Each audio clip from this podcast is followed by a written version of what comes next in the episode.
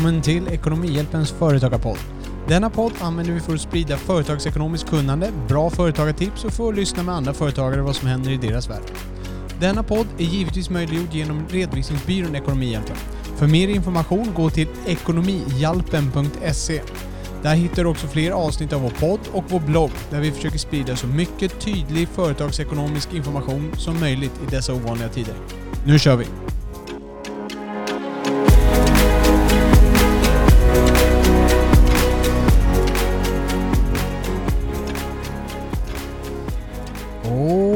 Ekonomihjälpen är tillbaka i eten. Ja, vi eh, drog igång den här podden lite på snabben här i våras för att vi skulle kunna sprida information här om alla stödåtgärder som kom ut nu i och med pandemin.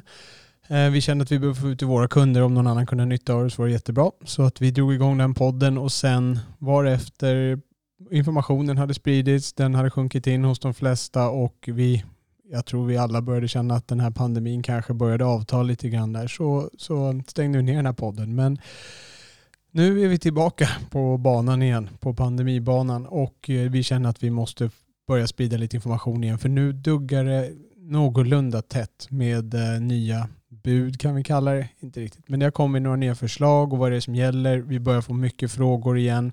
Eh, företag börjar få en ny kris, ofta en djupare kris. Man kanske hade ett sparkapital som gjorde att man överlevde våren och nu skulle man börja bygga upp igen och sen pang kommer en nedstängning igen. Så nu tänkte vi att vi ska sprida information här och eh, den här första podden som vi skickar ut här den kommer att eh, försöka bara ge en överblicksbild över vilka stöd som fortfarande gäller. Bara så att man får en överblick över vilka stöd som finns kvar eh, nu fortfarande. Och därtill lite grann vilka förändringar som väntas komma i och med de här förslagen som finns. Jag kommer också fokusera på de åtgärder som ger företagare monetärt stöd. Så jag kommer hoppa över mycket av de här reglerna i a-kassan och det där som är lite mer till för anställda. Även om jag förstår att det är intressant för vissa företagare. Men i den här podden fokuserar jag på det som ger företagare monetärt stöd. Vi talar korttidsarbete, vi talar omställ, eh, omställningsstödet och alla de bitarna. Eh, så, låt oss köra igång. Det har ju kommit ett förslag i, för ungefär drygt en månad sedan vi inspelade en stund här. Den 9 november så släpptes ett förslag eh, och då är det ett eh, gäng regler som man föreslår ska träda i kraft i februari 2021 de kommer alltså att lämna sin ändringsbudget i början av 2021 och sen så ska man då besluta om det här. Men de tillämpas retroaktivt. Det betyder alltså att de här lagarna eller förslagen som träder i kraft 2021, de kommer gälla för de här månaderna 2020 retroaktivt. Precis som vi såg under våren när man kom med förslag som gällde några månader tillbaka. Nu kommer det gälla ännu längre tillbaka. Så jag kommer gå in på de olika detaljerna. Jag kommer berätta vad som gäller just nu definitivt, och vad som ligger på förslag. Och de här förslaget som finns nu, vi kan förvänta oss att det går igenom. Om man ser till historiken så är det ju, det här är ju en process som måste gås igenom, men alla förslagen de i stort sett la upp gick igenom ungefär som de hade lagt upp. Det var något som de skruvade om och gjorde om lite sådär och man förfinade och döpte om lite sånt där. Men i princip kan vi förvänta oss att det som ligger som förslag kommer att gå igenom i en liknande form. Så låt oss börja beta av de åtgärder som fortfarande gäller. Vi börjar med korttidsarbete och jag kommer alltså inte gå in och beskriva de exakta reglerna för de här utan det kommer jag repetera lite grann i senare poddar och lite mer exakt vad det innebär de här nya förslagen i mer detalj. Nu kommer jag bara vara lite övergripande.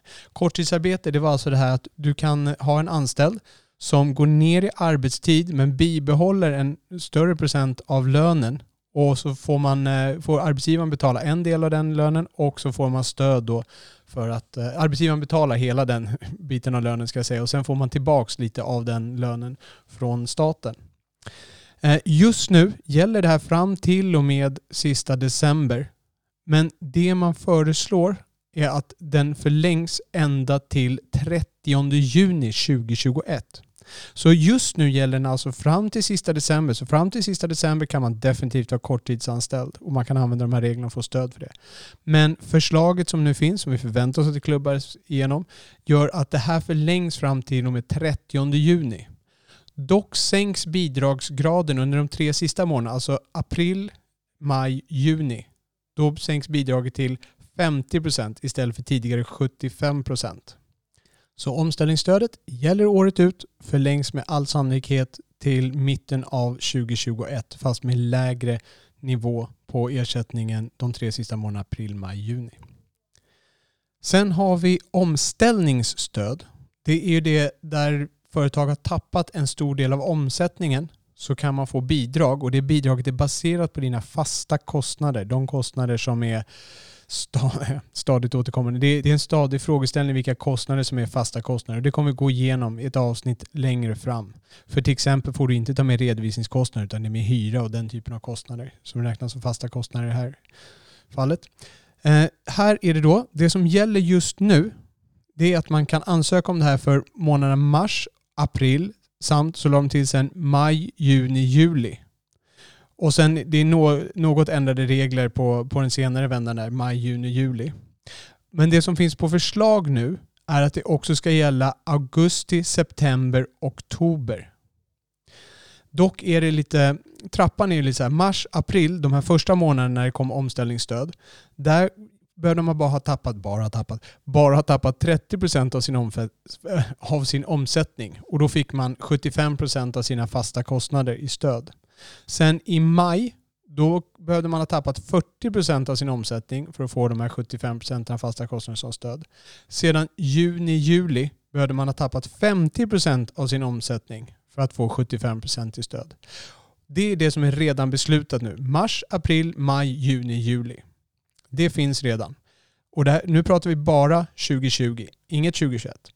Och sedan fortsätter det då 2020 det som ligger på förslag, som vi kan förvänta oss att det går igenom, är då att augusti, september, oktober, även de ska ge om, rätt till omställningsstöd. Då är det också att du måste ha tappat minst 50% av din omsättning under de här månaderna och då får du 5% mindre. Tidigare har du fått 75% av fasta kostnaderna. Nu får du 70% av fasta kostnader för de månaderna. Så att det bidraget det finns kvar nu fram till och med juli 2020 så har man tappat så mycket omsättning mellan mars och juli så kan man få stöd för det. Och förslaget är då att du även ska kunna få stöd under augusti, september, oktober. Men då är alltså, du är uppe på 50% av omsättningen. Du behöver ha haft ett ganska stort omsättningstapp för att vara berättigad till det här bidraget. Medan den första månaden, första vändan, mars april, behövde du återigen inom situationstecken bara ha tappat 30% av omsättningen. Sen har det ju kommit eh, en rolig nyhet. Det är på förslag att man ska få omställnings... Förlåt, omsättningsstöd för enskild firma. Så det finns omställningsstöd som man kallar på ena och sen är det omsättningsstöd för enskild firma om jag har förstått det här rätt. Vi ska leka med namnen. Det är tydligen lite politiska motiveringar bakom det där. Det var tydligen att det ena blocket eh, ville ha ett omsättningsstöd. Nej, det kunde det andra blocket inte ge. Men med ett omställningsstöd kan vi göra med precis samma sak ungefär. Jag tror jag överdriver lite grann. Men eh, så är det. Eh, vi är glada för det som beslutas i alla fall. Det ser ut som följer. Tidigare har man beslutat om att även enskilda firmor skulle få omsättningsstöd. Och det var på samma premisser som eh, aktiebolagen. Och här då är det precis som vi sa, vi sa mars-april ska du tappa 30% och så ska du, då får du eh, stöd 75% av omsättningstappet. Så att här tittar man inte på fasta kostnader och det har väl att göra med att enskilda firmor inte har samma typ av kostnader ofta, eh, misstänker jag. Så här tittar man alltså inte på de fasta kostnaderna utan här får du stöd i en del av omsättningstappet. Så att om, för att göra det enkelt då, om du har en miljon i omsättning i din enskilda firma under mars-april 2020 och så har du tappat 40% av det, du har tappat 400 000. Ja, då, då är du berättigad för du har tappat mer än 30% så då är du berättigad. Och då tittar man då, då har du tappat 400 000 och då får du 75% av det. Det vill säga 300 000. Tre fjärdedelar. Så så ser det stödet ut. Så man, har, man får stöd baserat på sin omsättning istället för på sin fasta kostnad som man gör i ett aktiebolag. Men annars så är det lika. Det är 75% där, fast man tittar på omsättningen. Och i maj så måste du ha tappat minst 40% och så får du för att få de här 75%. I juni, juli måste du ha tappat minst 50% för att få 75%. Och det gäller redan nu. Och det man föreslår är att precis som aktiebolagen, om du har under augusti, september, oktober även då tappat minst 50% av din omsättning och det här är jämfört med föregående, samma period föregående år. um, kan jag ju klargöra. Det gäller även aktiebolagen som vi talade om tidigare. Då får du i, för augusti, september, oktober får du 70%. Så det är samma procentsatser, bara det att man tittar på den omsättningstappet i en enskild firma. Medan man i aktiebolaget tittar på fasta kostnader. Eh, så det är vad som gäller omsättningsstöd för enskild firma. Och det är vi tacksamma att det kom ut också för de ligger inte, ofta inte mindre illa till än aktiebolag. Nästa del är ersättningen för sjuklönekostnader. Och det här är alltså om man har personal som är sjuk så får man ju betala ut lön till dem dag 2 till och med 13. Ehm, och där är det ju tidigare under april, maj och juni så har vi fått ersättning för de eh, sjuklönekostnaderna till 100%. Så alla sjuklönekostnader vi hade under april, maj, juni ersattes till 100%. Så all sjuklön som vi betalade ut då fick vi tillbaka då från eh, staten senare. Sedan har man då alltså lagt till, Eh, och häng med nu, det här blir lite krångligt. Så under april till juli får man 100% ersättning för alla sjuklönekostnader. Och inga, liksom, inga, inga regler sådär. Du kan få hur mycket ersättning som helst i teorin. Sen har man då under augusti till september. Där har man eh, satt en gräns att du får ersättning för en del av sjuklönekostnaden. Då tittar man på totalt hur mycket lönekostnad du har totalt och så får man se en procent av det förväntas vara sjuklön en procent liksom så att du förväntas ha lite normal sjukdom inom situationstecken. Men det som överstiger en viss procentdel, där får du ersättning. Och då får man ersättning beroende på hur mycket det um, stiger. Och då finns det också ett, uh, ett gräns, ett tak på hur mycket ersättning du kan få.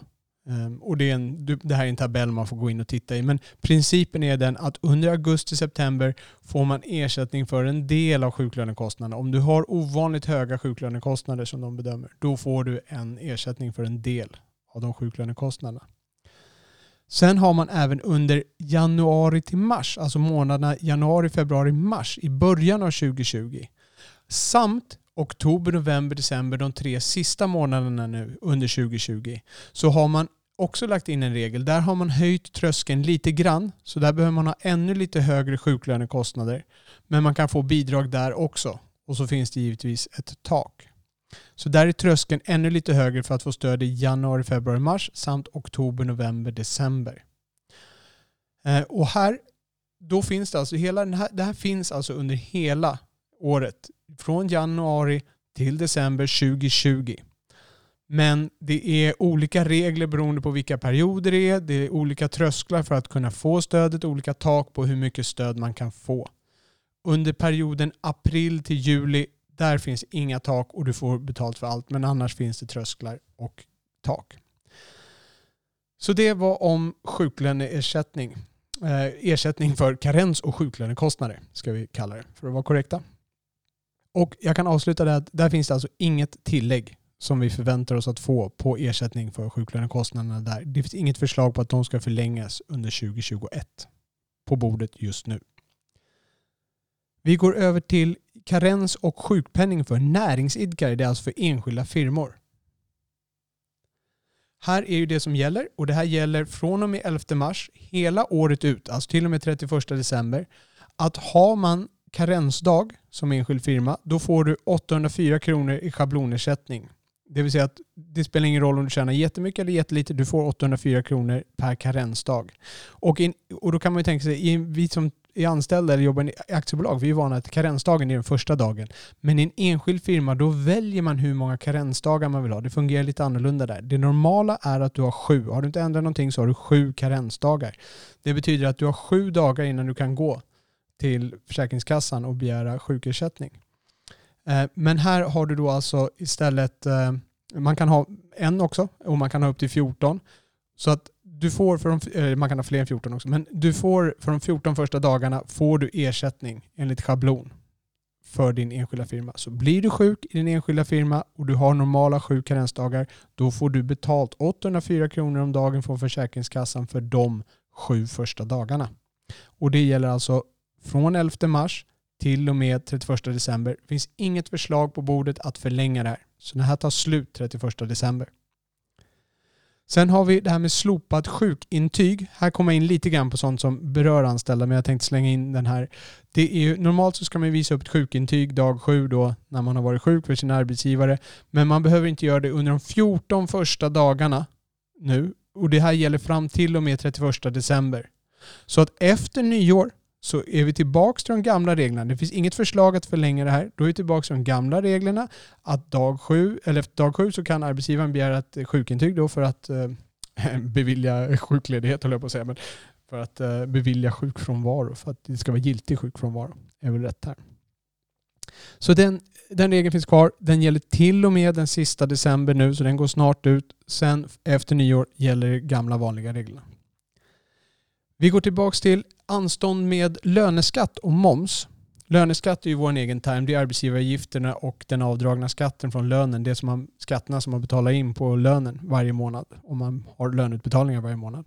Samt momsen. Det som tidigare har varit det är att man har kunnat välja tre perioder mellan januari till och med september 2020 som man kan skjuta på skatten med. Så man kan få anstånd med att betala skatten. Momsen och momsen och löneskatterna. har man kvartalsmoms, då får du inte välja flera kvartalsmoms. Så har du tre stycken kvartalsmoms som skulle betala, då kan du inte bara plocka ut de tre kvartalsmomsen och sen tycka att du var jättesmart. Utan du får givetvis bara välja en kvartalsmoms. Så det ska vara tre månaders moms och tre månaders löneskatter totalt som du kan skjuta vidare. Och då har man fått ett års uppskov. Det är det som gäller fortfarande. Och det här är alltså perioden mellan januari till september 2020. Man kan plocka ut tre perioder av de månaderna, av de nio månaderna. Och så kan du välja att få anstånd med den skatten. Det man har förslag här, det är att anståndet ska förlängas ett år till. Det betyder alltså att du får två år på dig att betala tillbaka den här skatten. Dock måste du skicka in en ansökan för att få det här. Det kommer inte ske automatiskt. Så om du inte skickar in en ansökan, då förfaller det här under ett år. Och det är ett år från när den skatten skulle vara betald. Så är det en skatt som skulle vara betald i april 2020 och du har fått uppskov med den, då ska du betala den i april 2021.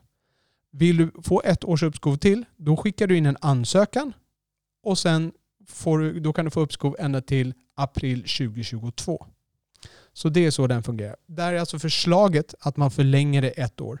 Det är inga fler perioder man ska få skjuta på utan perioderna är fortfarande januari till september 2020. Du får välja ut tre stycken där. Men att man kan få anstånd på de perioder som man har fått anstånd på redan i ett år till är förslaget. Sen har vi en regel som är eh, ny, som, eller ny, vi har inte pratat om den här på eten i alla fall. Och det är att det är skattefri parkering. Jag tror inte det här gäller så jättemånga. Men jag tänkte ta upp den i alla fall. Eh, under perioden april till december, finns inget förslag på förlängning här, utan perioden april till december så är det tillgång till fri parkering på arbetsplats. Eh, är det skattefritt. För normalt är det så här, om du åker till jobbet och du har gratis parkeringsplats som jobbet tillhandahåller dig, då ska du skatta för det, för det är en förmån. Men nu är den förmånen skattefri. Jag tror att det här gäller mest lite större företag med stora arbetsplatser där ute som fyller en massa regler. Det är ingenting för oss småföretagare att grotta med som kanske har någon grusplan eller vändplan som man får stå och knarka med parkeringen på. Men jag nämner den regeln i alla fall att har man anställda som har tillgång till fri parkering på arbetsplatsen så är det skattefritt under perioden april till december 2020. Ingen förslag till förlängning. Sen har vi det här med skattefri coronagåva och här behöver ni höra upp. För det här är i alla fall en liten, en liten ljusglimt i det här kanske ganska mörka mörkret som vi lever nu här i december. Den här skattefria coronagåvan det är så att man kan ge 1000 kronor inklusive moms, observera att det är inklusive moms, till en anställd som en julgåva och det är fullt avdragsgillt. Du får, dra, du får dra av momsen och du får eh, dra av eh, kostnaden precis som vilken kostnad som helst. Så att passa på att ge anställda och dig själv, om du är egenföretagare, ge er en gåva på 1000 kronor inklusive moms. Vi får inte gå över det, utan vi, vi ska hålla oss max 1000 kronor inklusive moms. Och då måste vi komma ihåg här att det har ju alltid funnits den här regeln att vi får ge anställda en julgåva för 450 kronor. Och den den regeln har inte försvunnit någonting utan du får alltså ge, dels får du ge en, låt oss kalla det en coronagåva som vi säger här på kontoret, att 1000 kronor och sen får du ge en vanlig julgåva 450 kronor. Du kan alltså ge en anställd en gåva för 1450 kronor inklusive moms. Och det är fullt avdragsgillt. Så utnyttja den, ge er själva, ge er anställda en gåva. Tanken med det här är väl att få igång handeln lite grann och hjälpa till och ge lite incitament att det ska komma lite pengar i ruljans. Det här är ju ett bra sätt för företaget att dels visa lite goodwill till era anställda och ni kanske tänker, ja men tusen spänn. Ja, men faktum är att av de här tusen spännen så kommer 200 spänn vara moms antagligen, får vi se att det är någonting som är 25 procent. Sen hade du skattat bort hälften av det där, nej förlåt, du hade skattat bort eh, Ja, skulle du få ut pengarna så skulle du ha skattat bort hälften av det om du skulle få ut det på egen ficka. Så att om du jämför vad det kostar dig då, om du tänker att jag är företagare, det här är mina pengar, så kostar det dig 400 spänn kan vi säga. 400 spänn kunde du ha fått i handen, eller så ger du en anställd 1000 spänn i gåva. Då skulle jag säga att det är en bra investering att ge de här 1000 kronorna i gåva nu. För du får mer värde att ge en anställd en 1000 kronor än att du själv får ut 400 kronor då kanske din anställda hjälper dig att tjäna tillbaka de här 400 kronorna längre fram av glädje över sin 1000 kronor.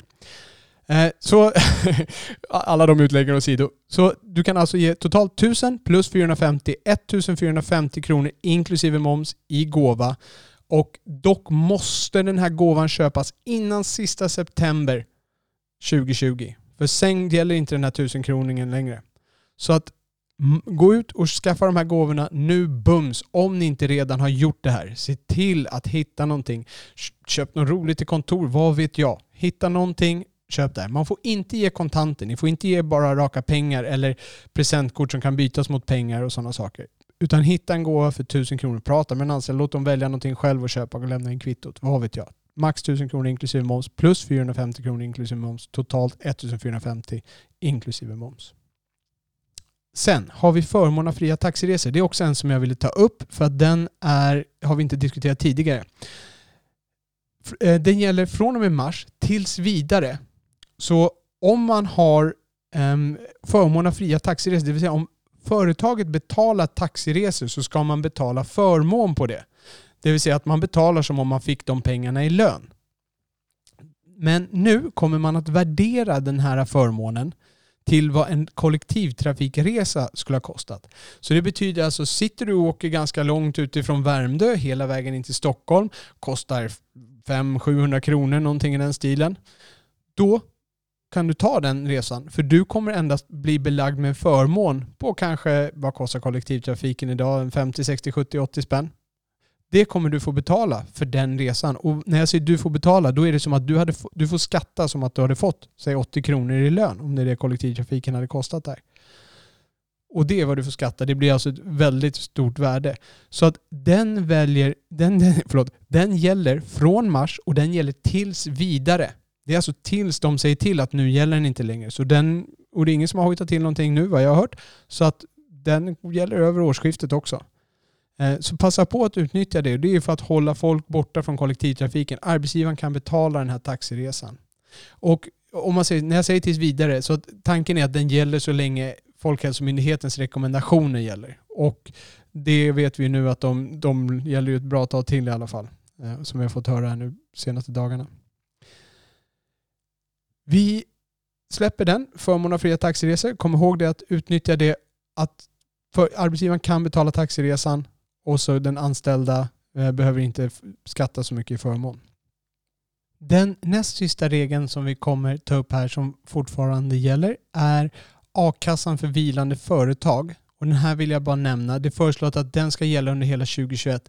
Det är ju att, du, att reglerna är lättade att de har lättat på reglerna för att du ska kunna lägga ditt företag vilande och gå med i a-kassan och ha rättighet att få ut ersättning från a-kassan. För tidigare var, var det ganska krångligt. Företaget måste verkligen läggas ner, läggas vilande, det måste gå perioder, karensdagar hit och dit. Men nu är det enklare. Du kan bara lägga ditt företag åt sidan. Det, det, är, det är inte så enkelt som jag får det att låta nu. Du behöver fortfarande lägga det på is, liksom enligt a-kassans regler. Så du får kolla med din a-kassa exakt vad de avser att, hur du ska göra för att lägga den på is. De kan ha ganska krångliga definitioner och vara hit och dit. Men du kollar med din a-kassa vad som gäller och det kommer gälla under hela 2021 är föreslaget. Det gäller nu under 2020 och det föreslås att det kommer fortsätta gälla under hela 2021. Att det då ska vara lättare att få ersättning från a-kassan för företagare.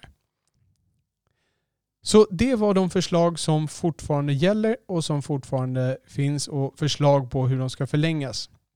Jag har bara en regel som har upphört av de här kategorin som jag är nu, sånt som ger företagare pengar rakt på bordet. Och det är stödet för hyressänkningar. Där var det ju vissa branscher som hade det extra svårt. Fick ju möjligheten att få sin hyra sänkt och då kunde hyresvärden få tillbaka en del av hyressänkningen. Så att om du hade en restaurang så, och hyresvärden sänkte hyran med 50 procent, då kunde han få tillbaka halva den hyressänkningen, alltså 25% av den ursprungliga hyran. Så att hyresvärden stod för 25% eller stod för halva sänkningen och staten stod för den andra halva av sänkningen. Den gällde under april till juni 2020 och där skulle man ha skickat in ansökan om det här senast den sista augusti om jag minns datumet rätt. Och de reglerna är inte förlängda. Det finns inget stöd för hyressänkningar efter det här utan det är bara, har bara blivit den här perioden som regeringen först eh, gick ut med och som man nu har kunnat söka stöd för och som jag vet att några av våra kunder har erhållit stöd för. Så det var vår sammanfattning av reglerna och poängen som sagt var bara att ni skulle få en klar bild över vad som fortfarande finns. Eh, en klar bild och då kanske inte en detaljerad bild utan en översiktsbild ska jag säga. Och hoppas att det är det jag gett er. Med det så skickar jag ut en tanke till alla företagare där ute som har det kärvt nu. Vi ska klara oss igenom detta också. Kämpa på så hörs vi snart igen.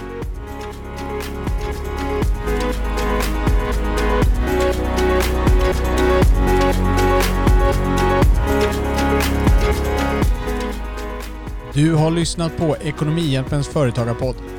Du hittar sammanfattning och länkar i avsnittsanteckningarna på Ekonomihjälpens hemsida, ekonomihjälpen.se, samt i appar som visar avsnittsanteckningar. Podden är möjliggjord av redovisningsbyrån Ekonomihjälpen som ni alltså finner på ekonomihjälpen.se. Med det så tackar vi för oss. Företaga lugnt!